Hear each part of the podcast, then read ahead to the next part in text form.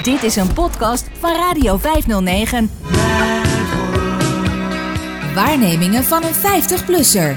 Inge's column bij Radio 509. Sportterreur. Ik hou niet van sport. Nooit gedaan ook. Al op de lagere school deed ik mijn best de gymles en andere verplichte sportieve activiteiten waar mogelijk te saboteren. Ik kan me voorstellen dat dit gedrag mijn docenten van destijds tot wanhoop dreef. Inmiddels ben ik milder geworden en waag ik mijn lijf aan enkele kalme vormen van beweging die sommige mensen sport noemen. Ik zwem en ik wandel. Die activiteiten overdrijf ik zeker niet en ik beleef er plezier aan. Ooit heb ik een poging gedaan aan fitness te doen, maar dat vond ik verschrikkelijk.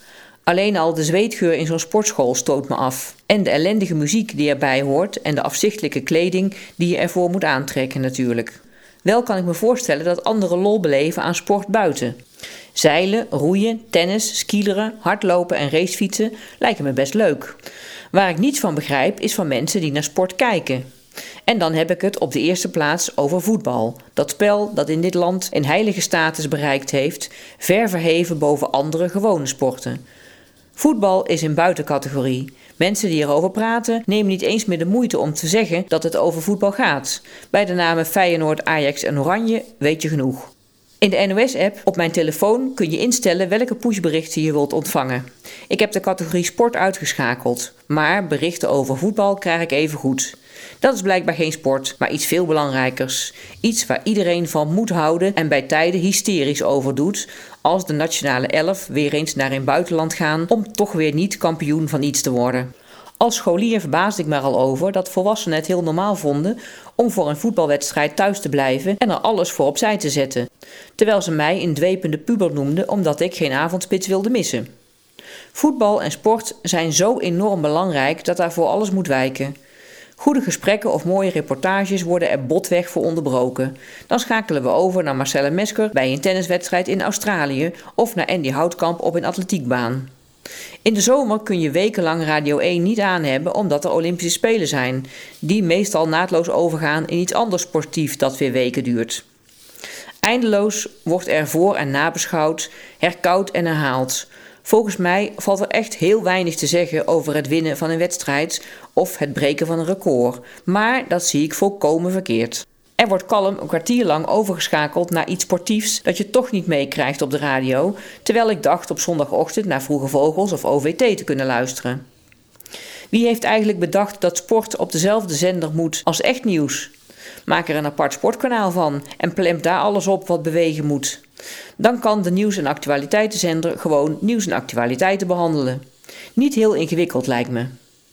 De laatste jaren is er nog een extra ergernis bijgekomen sinds we een Limburger hebben die heel handig schijnt te zijn in het besturen van een raceauto.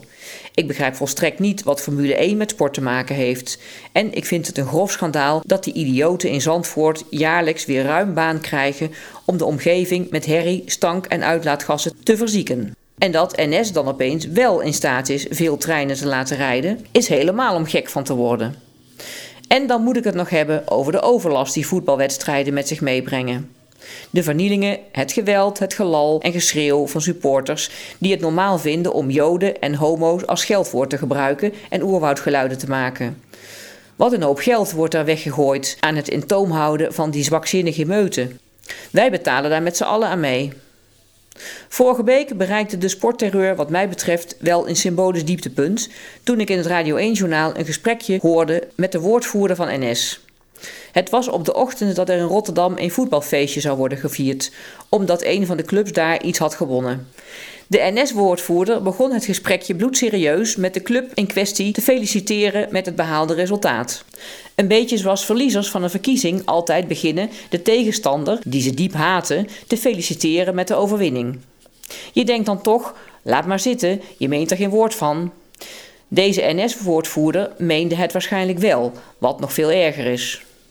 Vervolgens kwam de boodschap.